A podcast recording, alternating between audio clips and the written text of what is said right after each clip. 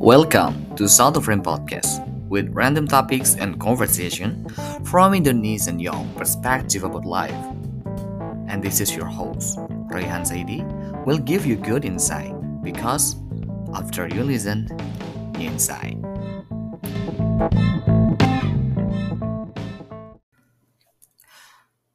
Halo, gue Rehan, tuan rumah Satu Frame Podcast. Selama bulan Juni ini, gue banyak banget kepikiran para tamu yang akan hadir di podcast gue. Dan selamat Juni untuk para Cancer dan Gemini. Long time no see. Terakhir kali gue ketemu kalian di tanggal 19 Mei 2022.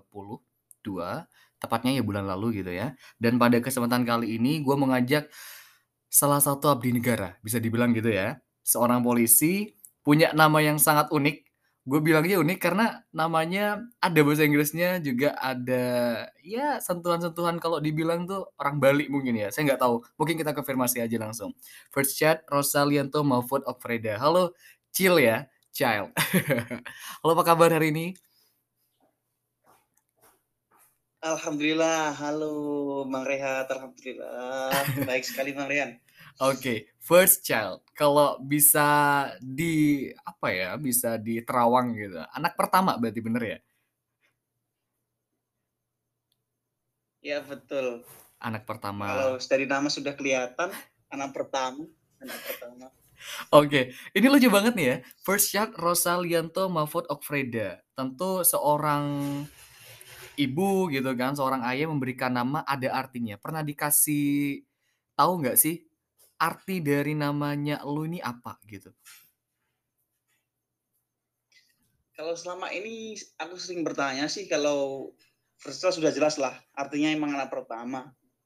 Lanjutannya kan ada Rosalianto. Kalau Lia itu setauku itu nama mamaku. Kalau Anto itu nama ayahku. Gitu aja sih. Oh, digabung ya. Gila, keren keren keren. Berarti yeah. Lia tuh nama uh, nyokap lo dan Yanto itu Jadi, adalah bokap lo ya, Mahfud Okfreda. Jadi anak pertama dari dia. Iya, iya. Ya. Oke, Okfreda ini kalau ada sih teman gue orang Bali tuh ada sentuhan-sentuhan Okfreda. Apa lu ada keturunan Bali apa gimana, Child? Gak ada, gak ada. Gak ada ya? Asli Jawa Timur semua orang. Oh, asli Jawa Timur. Oke. Dan gue kemarin agak kaget ya. Gue nyimpan nomor WA-nya. Mau dipanggil siapa? First child. Hah? Seriusan nama first gitu kan? Dan ternyata bener ya. Ngapain gue nggak pusi gitu katanya. Iya bener sih. First child Rosalianto sama Foto Freda. Ini salah satu nama yang unik yang pernah gue ketemu sih sebelumnya. Oke, kita kenal di salah satu komunitas tepatnya kurang lebih tujuh tahun lalu, komunitas bagian kebangsaan Jawa Timur 2015 dan lo dari Madiun gitu ya. Gimana perasaan lo ketika ya. berada di forum itu waktu itu? 6 7 tahun lalu kurang lebih. Ya mungkin bisa dibilang semua perjalanan hidupku sampai saat ini pun dimulai dari sana. Dan karena lo sekarang pengen jadi polisi mulai ya? dari sana. Jadi polisi ya sekarang ya. Dan iya, memang ya, waktu KPK 2015 itu uh, kok gue kalau boleh spill sedikit banyak siswa yang ada dari Jawa Timur kalau dulu koreksi ya kalau salah ya kalau nggak salah dulu itu kita tempatnya di TNI Angkatan Laut di Surabaya kalau nggak salah ya benar nggak sih Iya, benar di TNI Angkatan Laut dan banyak banget teman-teman yang memang basicnya dia itu di organisasi, di OSIS, mungkin di MPK waktu itu dan berada di forum itu banyak banget gitu. Punya ambisi dan punya keinginan untuk uh, apa ya dulu tuh punya idealisme untuk memajukan negara gitu kan ya dan sekarang terbawa sampai jadi polisi gitu ya Chat ya. Bisa dibilang seperti itulah. Wow. Gimana hubungan sama teman-teman yang dari forum KPK Madiun? Masih aman sejauh ini? Kalau sampai saat ini hubungan KPK Madiun itu masih oh, iya. sampai saat ini masih sangat sangat erat deh. Kayak seperti kemarin ada teman kita Erik itu juga lamaran kita bareng-bareng datang ke sana juga. Oh, itu juga kemarin apa namanya Jeffy Kram itu berarti tetap ya sekarang ya, eee, apa namanya, hubungannya masih baik ya gitu ya First ya. Gue panggil aja Iya. deh, Child agak susah Iya, namanya. baik. Oke, gua Oke. Nggak apa-apa ya. Oke, gua kemarin pernah lihat nam eee, lu itu di foto salah satu ya apa di reha ya, lo tuh foto sama dia. Lo tuh tunangan sama dia apa sekedar main-main aja apa gimana nih? Nggak sih, itu cuma bercanda aja emang reha kan emang seperti itu, pengen bercanda biar bis ngerjain temen-temennya perempuan gitu dulu itu ceritanya itu. Oh, biar manas-manasin gitu ya. Ini nih gue udah punya cowok nih, Iya, udah ya punya tunangan gitu ya. manasin. Tapi seru sih, karena gue kaget waktu itu, oh udah punya ini ya, udah punya tunangan ya, oh ternyata, eee, sekedar apa ya, entertain ya, menghibur teman-teman ya bisa dibilang ya. Oke, Iya. gue tahu kemarin kalau lu pernah bekerja di salah satu, eee, korporat atau perusahaan badan usaha milik negara atau BUMN gitu ya. Pengen tahu dong perjalanan lu ketika bekerja di BUMN kemarin tuh gimana, First? Ya, dulu it jadi gini, saat aku kelas 3 SMK sih kalau nggak salah itu, salah satu BU BUMN tersebut, dia itu membuka lowongan kerja lah bagi bagi siswa SMK berprestasi se-Jawa Timur. Yaitu dia mengadakan tes-tes untuk siswa SMK masing-masing sekolah se-Jawa Timur, SMK, khususnya SMK. Ya, yang ikut tes itu seingat saya itu di Madiun ada 1.000 orang, ada 1.000 orang Wow. dari SMK se-Jatim.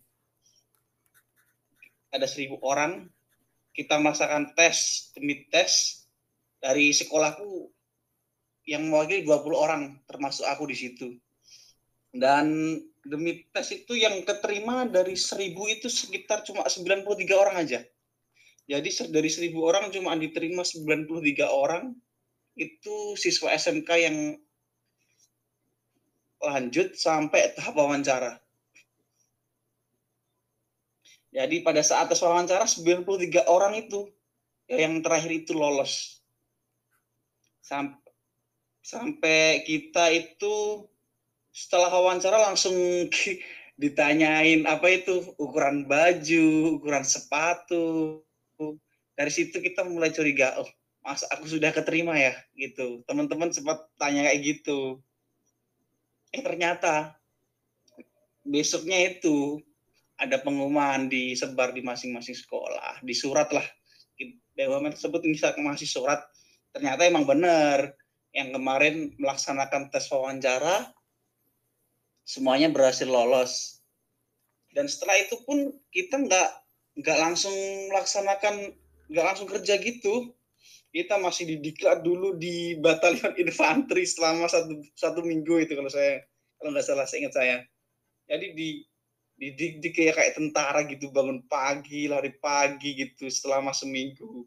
Habis itu baru kita ditempatkan di sesuai divisi masing-masing setelah melaksanakan diklat itu. Wow, berarti masih ada training sebelumnya ya, sebelum lo masuk di BUMN gitu ya? masih ada ya BUMN diklat yang kalau lo masukin itu, ya eee, diklat bergerak di bidang apa, First? Untuk Kalau kita itu dari 93 itu ada rata-rata itu dari mesin yang masuk mesin sama kelistrikan sih. Jadi Hmm. di di BUMN itu kita ada yang di bagian mesin sama di interior lah, di interior di kelistrikan seperti itu. Oh, I see. Dan lu masuk di bagian? Kalau di, gua dimasukkan di bagian mesin. Oh, bagian mesin. Berarti relate sama jurusan Bagian waktu mesin. SMK dulu apa enggak nih? Kalau bisa dibilang sih enggak sih. Soalnya kit, walaupun aku masuk di bagian mesin, kerjaku itu juga enggak enggak ngurus mesin gitu loh. Hmm, I see. Dulu SMK-nya jurusan? Aku SMK jurusan mesin sama las. Pengelasan. Oh. Dominan kelasnya aku. Oke, sebenarnya kalau dari perusahaan di BUMN-nya bisa dibilang masuk ya, tapi kerjanya tidak seperti yang terlihat uh, fokus di mesin gitu. Oke, gue pengen elaborate ya, terkait dengan sekolah dulu ya. Gue juga SMK, lu SMK gitu ya. Di mana jurusan lo ini adalah jurusan mesin. Banyak stereotip yang ada di luar sana kalau anak SMK itu mungkin belum bisa uh, berkembang after school gitu setelah sekolah. Menurut lo itu uh, bener apa enggak sih? Kalau anak SMK itu kalah bersaing dengan lulusan yang dari SMA. Yang lo rasain gimana tuh waktu itu? Kalau menurut menurut gua sih enggak ya. Karena dari SMA maupun SMK mereka punya kelebihan masing-masing. Emang kita SMK itu kan kita sekolah SMK dididik langsung untuk langsung kerja gitu loh. Hmm. Kelebihan dari SMK seperti itu. Kita langsung dikasih keterampilan. Jadi kita setelah lulus kita langsung cari kerja, kita punya keterampilan seperti itu. Oke, berarti masih Dan ada keterampilan itu kan enggak iya. Dan nggak mungkin keterampilan itu dimiliki sama SMA gitu. Kita punya kelebihan masing-masing gitu. Dan alhamdulillahnya kelebihan yang lu dapetin adalah relate sama perusahaan yang ya sorry BUMN yang pernah lu kerja di situ dan lu berani berpostulasi atau yakin bahwa anak SMK juga bisa gitu ya ya child ya ya first ya soalnya gini banyak yeah. narasi yang yeah. ada di luar sana ketika bilang anak SMK itu oke okay, kita fokusnya di kerja gitu ya mungkin teman-teman di rumah yang lagi dengerin podcast ini yang lagi yang lagi duduk di SMK kalian tuh jangan sampai minder dengan anak SMK SMA gitu ya walaupun secara secara teori mereka menang banyak, tapi kalau SMK bener-bener nih, contohnya First ini ya di sini. Dia bisa kerja di BUMN dan juga nanti gue bakal tanya lebih jauh terkait dengan dia uh, apa namanya berjuang di kepolisian kayak gitu. Dia kita bisa sampai sejauh ini loh gitu. Jadi bukan dilihat dari siapa lo sekolah di mana gitu SMK atau SMA tapi ya dari individunya juga. Oke, Gue pengen tahu, uh, kisah lo ketika lo bekerja di BUMN. Bagaimana perasaan lo ketika ini kan berarti kan lo first graduate ya, bisa dibilang ya, lulusan yeah. ya masih baru gitu kan di SMA tiba-tiba kerja di BUMN. Itu cukup berat ya, BUMN. Jadi Badan Usaha Milik Negara, yang mana, uh, orang-orang yang ada di luar sana itu masyarakat bilang kalau kerja di BUMN ini ada yang bisa di uh, banyak orang yang bilang, "Oke ini cita-cita gue pengen, uh, kerja di situ." Pertanyaan gue pertama ini, BUMN itu menjadi incaran lo sebelumnya kah atau hanya sekedar, "Gue yang penting kerja dulu nih," gitu? Kalau sebenarnya enggak sih.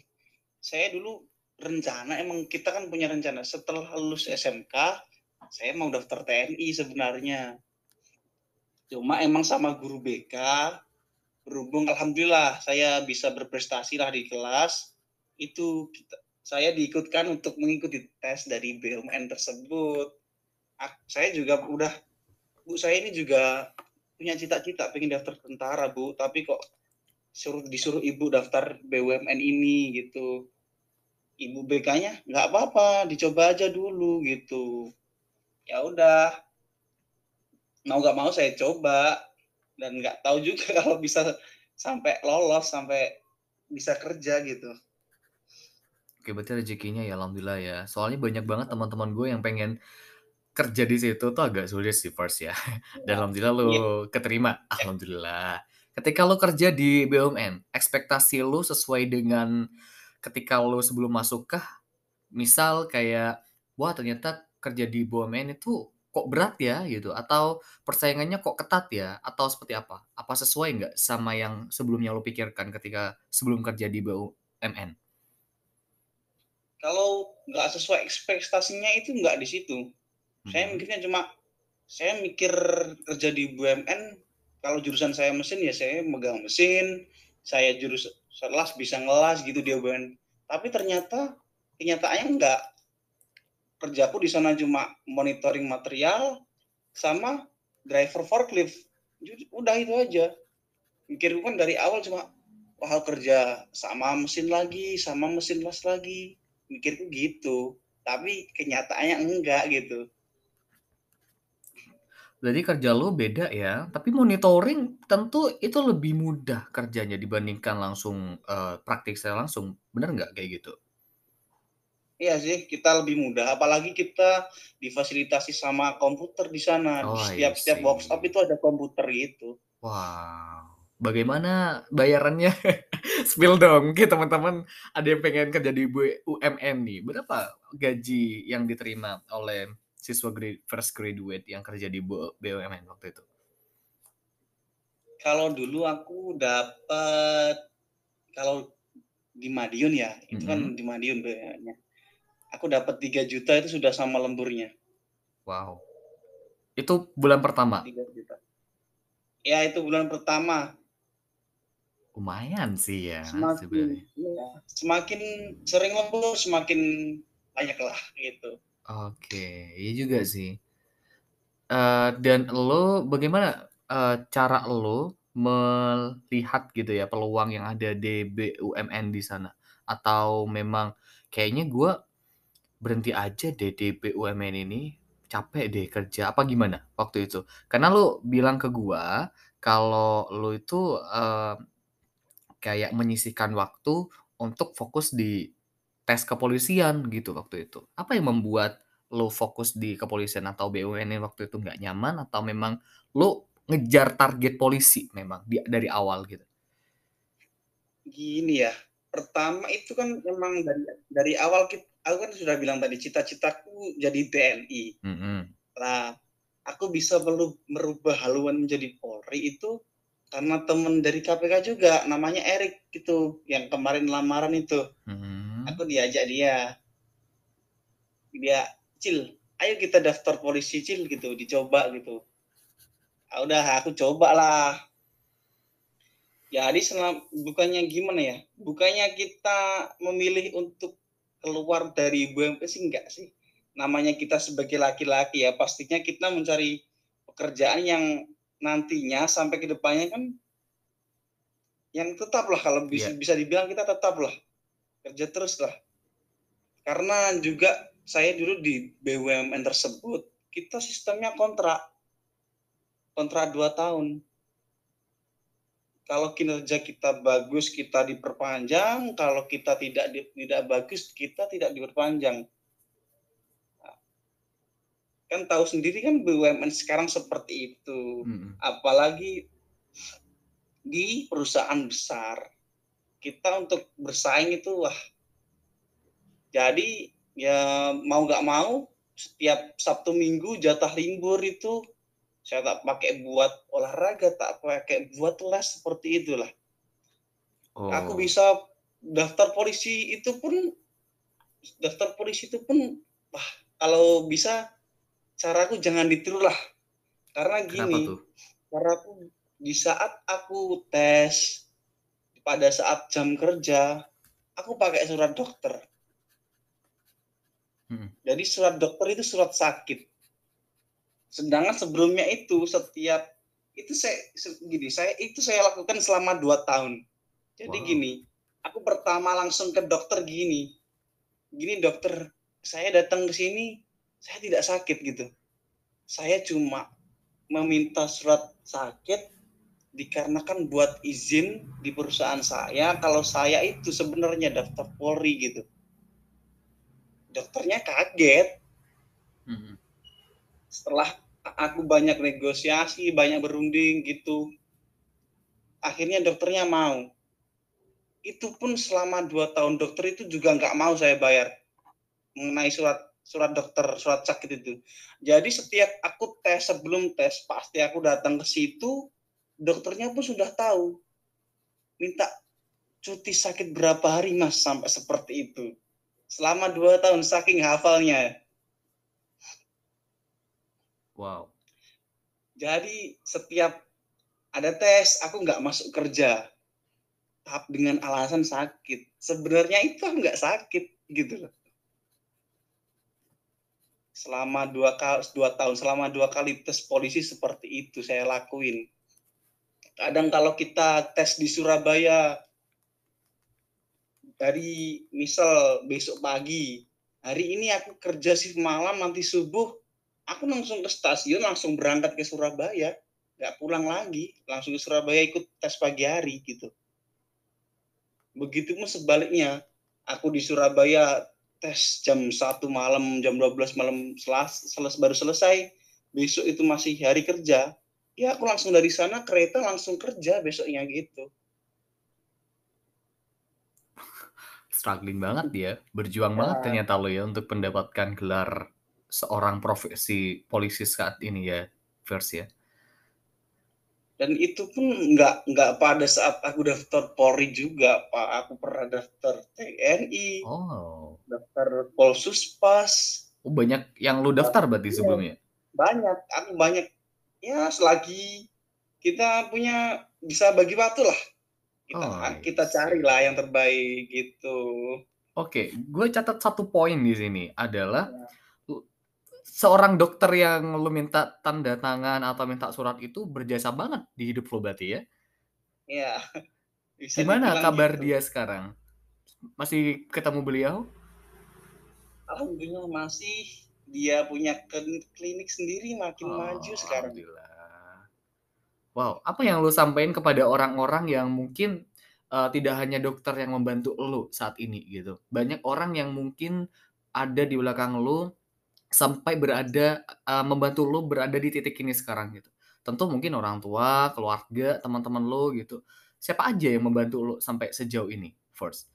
Kalau kalau kalau dibilang yang yang ngerti pada saat aku melaksanakan tes itu, cuma keluargaku sama orang-orang lingkungan kerjaku. Jadi aku it, lingkungan kerjaku satu divisi itu itu tahu kalau aku nggak masuk itu bukan karena aku sakit. Emang sebelum itu aku sudah pernah bilang ke kalau dibilang supervisor, aku hmm. bilang supervisor, bapak saya izin, saya itu tidak masuk bukan karena sakit, saya itu tidak masuk dikarenakan itu tes dan satu divisi itu pun tahu dan dan mereka memilih diam dan mereka memilih memberikan semangat kepada aku gitu. Wow. Ditanya tesnya sampai mana, udah gimana gitu, tesnya kapan lagi seperti itu. Jadi yang tahu pada saat aku melaksanakan cuma orang kerja sama orang rumah aja. Tetangga aku, teman-temanku nggak ada. Teman-temanku yang tahu cuma Erik itu aja sama Jevi Kram. Wow. Udah lainnya nggak ada yang tahu lo memilih untuk tidak terlalu mengekspos diri lo dalam proses Jadi, menuju apa ya, ya, menuju profesi yang saat ini lo capai gitu ya, first ya.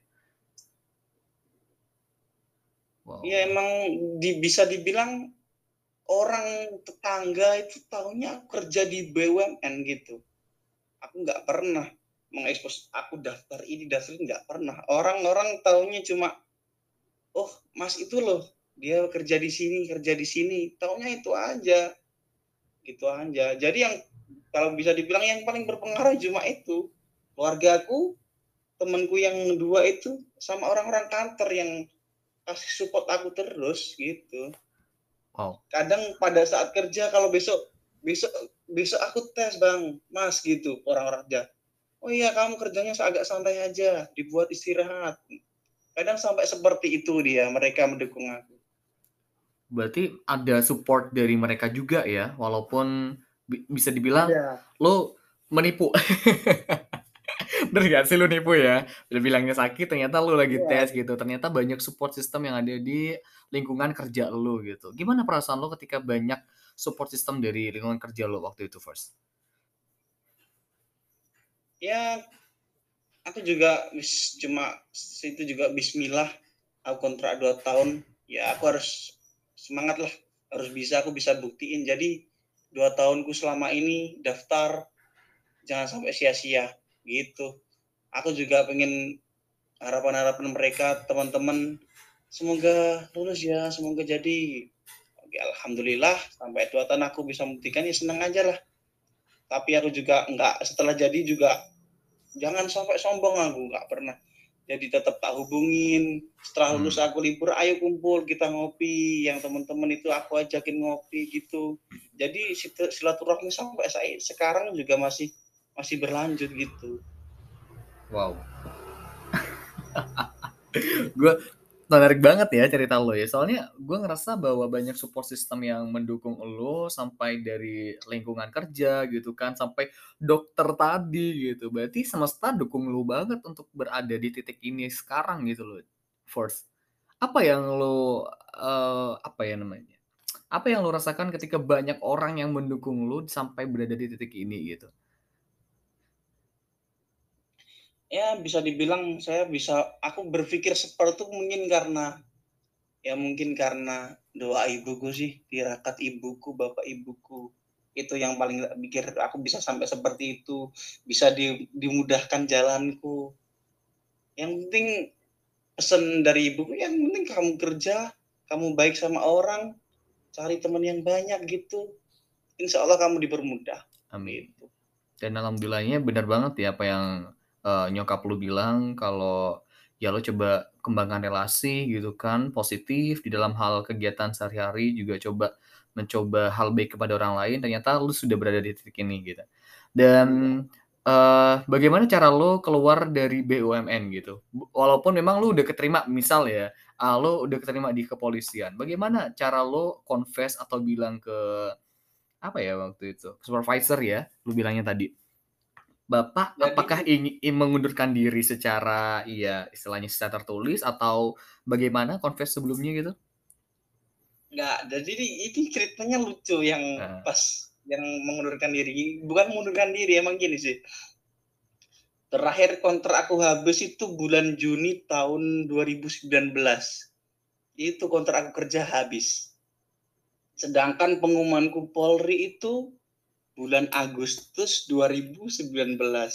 Jadi aku selama satu bulan itu nganggur. Jadi segini, bulan Juni aku kontrak diputus, teman-temanku yang 93 orang tadi, 92, mereka diperpanjang 2 tahun, kecuali aku. Kenapa aku Hmm. nggak diperpanjang? Ya karena itu tadi, selama 2 tahun, aku banyak alasan surat sakit, Oh, gitu. Nggak masuk karena sakit, gitu. Jadi kepikiran sama orang-orang sana Nah, itu kinerja lu kurang baik gitu ya mungkin ya first ya. Ya, ya bisa dibilang perusahaan bilangnya seperti itu, tapi satu divisiku itu tahu gitu. Ibaratnya aku menipu perusahaan, tapi kalau di satu divisiku itu tahu.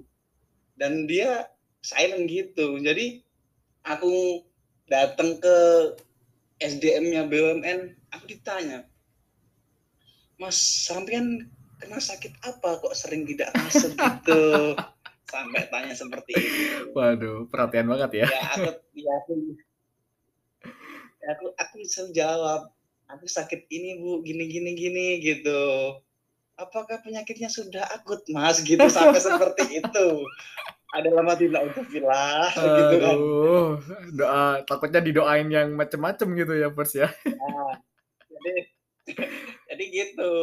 Akhirnya nggak nggak setelah banyak kitanya itu sudah ngasih surat tuh. Sudah kontrak sudah habis. Aku tinggal nunggu nasib bulan Agustus. Teman-temanku sudah diperpanjang sampai dua tahun lagi gitu Tapi alhamdulillahnya lu ada Dan- hikmahnya juga ya, nggak diperpanjang ya. ya ya Ada ya? alhamdulillah sampai sam- sampai gini gitu. Aku dari perusahaan itu jam 10 siang udah pulang. Jadi di sampai gerbang itu ditanyain satpam. Mas belum waktunya pulang kok sampean pulang mas? Gitu tanya satpamnya. Aku jawab kontrak saya nggak diperpanjang pak saya mau pulang gitu Oh. satpamnya masih tanya "Lah, terus masnya mau ke mana no aku bilang saya mau daftar polisi pak gitu Ah. satpamnya satpamnya itu ya mana ya kayak ngejek aku mas mas sampean kerja di sini sudah enak gitu Iya, iya. malah daftar polisi nanti kalau gagal nanti mas lama-lama jadi satpam sama kayak saya gitu digituin Iya saya. iya iya iya, betul betul banget sih. Dan tapi struggling itu banyak hikmahnya ya juga ya First ya. Ke gue pengen tahu lebih jauh kisah dari First Child ini ya, terkait dengan bagaimana struggling-nya dia juga di polisi. Jangan ke mana mana tetap di episode ini.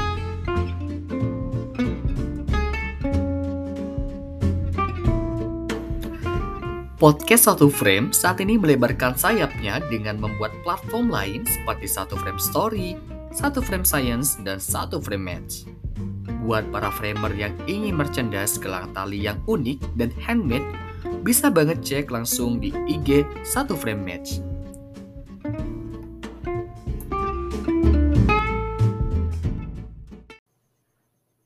Oke, balik lagi bersama gue dan First Child Rosalianto Mahfud Okfrenda. Barusan gue sudah tahu banyak hal tentang perjalanannya First di pekerjaan di BUMN ya tentunya dan Pak Polisi ini Pak Polisinya udah dinas berapa tahun Anda ini BTW? Sudah berjalan dua tahun lebih. Wow, seriously? Two, two, two Iya, years? dua Oh my tahun lebih. Wow, Pak Polisi muda ya. Lu dinas di mana? Di Surabaya? Apa di mana? Dinas dinas di Polda Jawa Timur di Surabaya. Gila, di Polda Jawa Timurnya. Wow. Aduh, punya teman polisi ini biasanya backingannya banyak nih ya. Katanya sih ya gitu. Oke, gue pengen tahu cerita lo terkait dengan bagaimana proses lo uh, menuju kepolisian gitu. Bagaimana perjalanan lo menuju polisi di sini, Child? Kalau perjalanan wah udah dari tadi udah aku ceritain dari mulai dari BUMN seperti itu. Dari Sabtu Minggu aku ambil les psikologi, les jasmani. Aku belajar sendiri, berjuang ke sana ke sini kemari itu juga wes diem-diem mas. Sangat-sangat ah nggak bisa sih kalau aku ceritain seutuhnya gitu. Oke. Tapi yang paling penting adalah lo sudah ber- menjadi polisi ya, dan dinas sudah 2 tahun. Banyak teman-teman mungkin yang pengen jadi polisi. Apa yang sebenarnya poin penting ketika seseorang diterima sebagai polisi? Gitu. First, selain duit ya sebenarnya. Kita nggak menutup kemungkinan itu ya enggak sih? Ya Gimana? kita nggak ya kalau hal seperti itu kita memang emang di masyarakat memang banyak yang bilang seperti itulah Iya.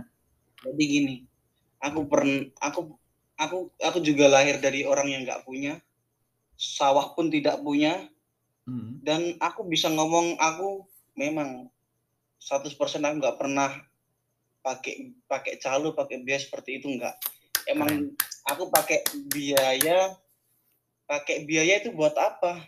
Ya paling buat administrasiku buat ke sana kemariku tes buat ngekos buat makan. Jadi bisa dibilang gajiku di BUMN tadi habis cuma buat aku tes itu aja. Aku pun juga udah bilang ma Pak, aku nggak nggak nggak minta uang sampean biar uang gajiku ini tak buat tes ke sana kemari cari makan administrasi ngurus apa pun tak buat jadi alhamdulillah dari SMK lulus SMK sampai sekarang nggak- aku nggak pernah minta uang orang. Wede. Gitu. Role model sekali Anda berarti ya untuk tidak meminta uang Jadi- kepada orang tua. jadi gini aku pun juga aku punya tetangga tetanggaku kalau bisa dibilang lebih susah dari aku Mm-mm. bapaknya cuma culi pet, kuli petani kuli kuli Hmm. tani itu jadi dia nggak punya sawah tapi nyangkul di sawahnya orang. Buruh ya. ya buruh tani lah. Ibunya jualan sayur sayur di pasar gitu. Hmm. jadi gini aku pernah bilang ke dia kalau di umur terakhirku ini aku nggak lulus jadi Polri. Kamu nggak usah daftar Polri. Sampai bilang seperti itu aku.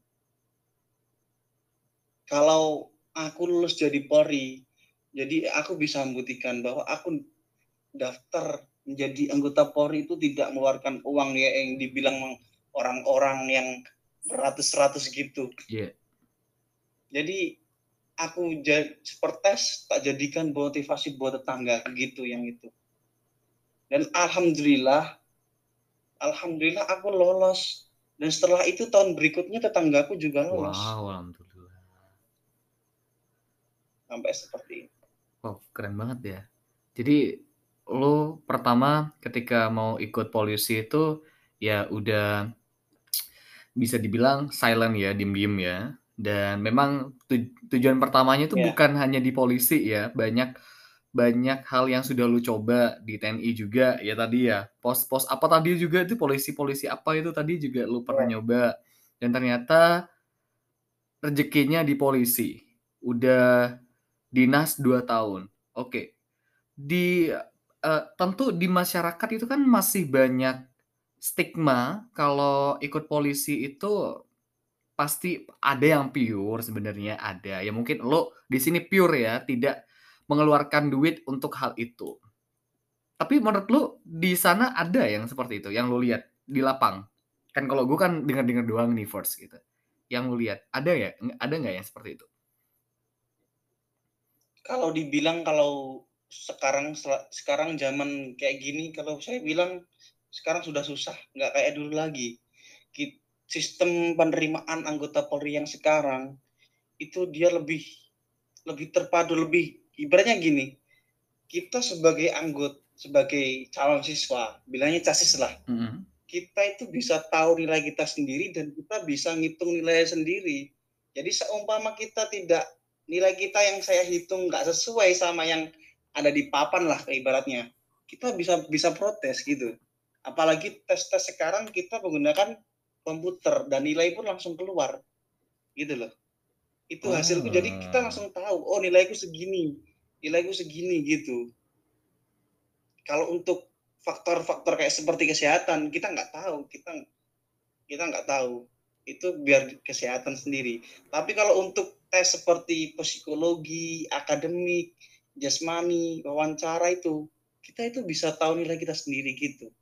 Jadi menurutku untuk sekarang emang sulit sih kalau kalau dibilang orang pakai uang segini, uang segini, sulit. Soalnya kita udah bisa tahu nilai kita. Kita bisa tahu Mmm. batasan kita sampai sampai sampai bagaimana, gitu loh. Oke, berarti sejauh ini lo melihat bahwa ketika ada pihak yang kurang bertanggung jawab melakukan hal itu, itu cukup sulit ya untuk dilakukan ya untuk saat ini berarti ya First ya? Oke, karena cukup narasi atau stereotip yang ada di sana itu memang banyak sih stigma-stigma yang kurang baik ya, bukan jelek, yang kurang baik terkait dengan apa, penerimaan siswa di kepolisian, di TNI, atau apalah itu gitu kan. Oke, berarti lo sudah klarifikasi bahwa ya tidak semudah itu teman-teman ya ternyata ya. Jadi untuk teman-teman di rumah yang lagi dengerin podcast ini yang mungkin ingin berjuang, eee, apa namanya, mengejar polisi, TNI gitu, ya walaupun lu punya duit banyak, tapi usaha jugalah sekiranya ya, usaha banyak loh ya. Ternyata nih First ini keterima gara-gara usaha yang sangat luar biasa gitu ya First ya. Oke, ketika lu berada di satuan kepolisian gitu kan, eee, bagaimana kinerja eh sorry bukan kinerja ya, ngapain gue nanya kinerja kayak komandan aja gitu ya. Bagaimana lu melihat, eee, apa ya, ketika lu kerja di sana, apa sesuai dengan ekspektasi lu di awal gitu, jadi polisi enak nih kayaknya gini-gini gitu? Atau ketika lu kerja, berada di satuan kepolisian gitu kan, dinas, wah ternyata di polisi berat ya? Apa gimana nih First? Ya kalau selama ini alhamdulillah aku jalani ya, alhamdulillah enak, sesuai ekspektasilah bisa dibilang. Apalagi kalau aku sekarang kerjaku cuma di di kantor, di staf administrasi. Jadi ya kayak orang-orang kantoran, berangkat jam 7, pulang jam 4 sore, kalau ada kerjaan dikit agak pulang malam dikit, tapi Sabtu Minggu tetap libur. Ya alhamdulillah lah seperti itu. Alhamdulillah ya. Tapi untuk Ya. Gaji nih BTW, lebih gede BUMN apa polisi? Kalau bisa dibilang, kalau gaji sekarang alhamdulillah lebih besar. Tapi kalaupun aku di BUMN sebagai pegawai tetap, bisa dibilang sama gajinya. Kurang lebih Sama sama ya? gitu. Oke. Iya. Tapi namanya mimpi yang harus diwujudkan gitu ya First ya. Iya. Oke, apa yang pengen lu sampein kepada teman-teman yang lagi berjuang untuk menjadi polisi first yang mungkin lagi dengerin podcast ini? Ya pesan pesanku juga gini aja lah. Gini, bijaklah dalam melakukan setiap perbuatan. Jadi setiap kamu melaksa, mau melakukan perbuatan yang merugikan, pikirlah panjang-panjang. Pikirlah pikirkanlah orang tuamu. Jangan sampai tindakan yang kamu lakukan itu merugikan pada orang lain. Lakukan apa pun kegiatan positif dengan sebaik-baiknya. Karena kita nggak tahu kegiatan itu nanti bisa membuat kita jatuh ataupun sukses. Tunjukkan perubahan dirimu, setidaknya nanti dengan kehadiranmu nanti bisa membawa kedamaian. Waduh. Gitu. Kok berat gini ya? Tapi filosofis banget ya Anda ternyata ya. Oke. okay. Uh, masih 2022 nih ya, masih bulan Juni, masih bulan Juni awal gitu ya. Resolusi lo di tahun 2022 ini apa nih, BTW? Resolusiku cuma aku pengen lebih istiqomah dalam beribadah. Anjay. Menerapkan pola hidup yang sehat. Amin. Sama lebih lebih produktif lagi aja gitu. Oke. Okay. Kalau bisa dibilang polisi ini kan sudah jadi menantu idaman gitu ya. Udah punya apa gimana nih? Masih belum? Apa masih nyari? Kalau kalau sekarang masih belum masih belum juga belum pengen nyari juga oke okay. oh berarti masih belum pengen nyari ya karena masih sibuk Betul. ke dinas apa menjadi polisi apa apa kan sibuk gitu ya masih ya first ya Ya kalau bisa dibilang aku masih mengharapkan cinta lama. Azai. yang yang yang yang kutemui di KPK di tahun 2015. Wait, wait a minute. Apakah Reha Rahma? Bukan, bukan. Oh, beda lagi. Oh, berarti gue gak tahu ya berarti ya. Oke. okay. Iya, nggak apa-apa tuh. Kay kayaknya itu kayaknya dia nunggu lo deh, first. BTW nih ya. kayaknya sih ya, dia terawang-terawang sih. Karena ya lu kan udah dijamin gitu loh. Maksudnya, wah ada jaminan nih kayaknya gue bakal hidup enak nih sama dia gitu kan. Apa ketika lo menjadi polisi, kehidupan lo merasa sudah lebih baik atau merasa wah ini kayaknya kehidupan gue yang gue tunggu-tunggu nih selama ini dari kecil gitu? Apa gimana nih first? Kalau selama ini ya alhamdulillah alhamdulillah banget lah. Ya setidaknya aku nggak nggak nambahin beban orang tua itu yang saya pikir. Yang penting alhamdulillah bisa bantu orang tua itu aja. Nggak nggak nggak pengen terlalu aku gini wah terlalu gini uangnya banyak gini. Enggak enggak pikiran seperti itu. Yang penting aku bisa dapat kerja sendiri punya pekerjaan tetap sendiri bisa bantu orang tua udah gitu. Amin iya. Anak-anak yang kayak lu nih btw ini biasanya diijabah doa doanya gitu loh sama Tuhan. Dan biasanya orang tuanya tuh amin. biasanya orang tuanya tuh memang bener-bener mendoakan yang baik banget gitu. Karena lo apa ya tidak menjadi beban orang tua. Keren banget lo first menjadi anak yang tidak minta dari SMK ya, dari SMU dulu iya. sampai sekarang, itu bangga banget sih biasanya emak lu. Pernah gak sih emak lu, uh, keluarga lu, orang tua lu bilang, "Gue bangga banget nih sama lu, Nak," gitu. Pernah gak sih? Kalau bilang sih enggak, tapi dari sikapnya itu bisa menunjukkan kalau mereka itu bangga Asik. Pede ya, harus mereka kayaknya bangga nih sama gue nih gitu. Iya. Oke. Oke, thank you first. Mungkin ada pesan yang akan disampaikan lagi nih? Satu poin mungkin? Satu poin. Mm-hmm. Jadilah bagian dari solusi. Anjay, gue inget banget. Itu adalah yang ada di Instagram lo apa nih? Ada di profile lo itu. Apa? Jadilah? Iya. Jadilah. Bagian dari solusi. Oke. Apa itu maksudnya, Mbak? Jadilah bagian dari solusi aku nggak bisa menjelaskan aku menemukan kata-kata itu di Koarmatim juga pada saat KPK Aduh. 2015. Berarti KPK ini sangat menginspirasi lo berada di titik ini ya? Sampai saat ini. Dan gue bangga banget ya jadi bagian itu juga. Dan for the information, gue berada di titik ini walaupun gue beda jalan ya sama lo ya, sama Jeff Kram ya, yang fokusnya lo adalah ke abdi negara gitu ya. Tapi hal iya. yang gue lakuin juga beda ya. Tapi tetap prinsipnya yang gue, ya bener banget ya, kalau gue pengen cerita, kangen banget 2015 itu ketemu Pak Teo, inget gak sih? Bu siapa lagi yang dari UM Malang tuh, aduh Iya. gue lupa lagi. Dia pernah ke Iya. sekolah gue, 2016 beliau tuh yang cewek itu ya, ibu-ibu itu pernah ke sekolah gua, dia ngisi, eee, kayak seminar itu, "Bu, inget saya nggak Bu?" Gitu. "Dulu pernah ketemu Ibu loh di du 2 tahun lalu di KPK." "Oh di TNI AL itu?" Gitu kan. Wah ternyata alumni-alumni KPK itu keren-keren loh sekarang ya. Gua gua banyak sih masih kenal-kenal gitu kan ternyata tapi sebagian besar memang, eee, di ini, di abdi negara sih mereka-mereka. Aduh, tapi keren-keren banget.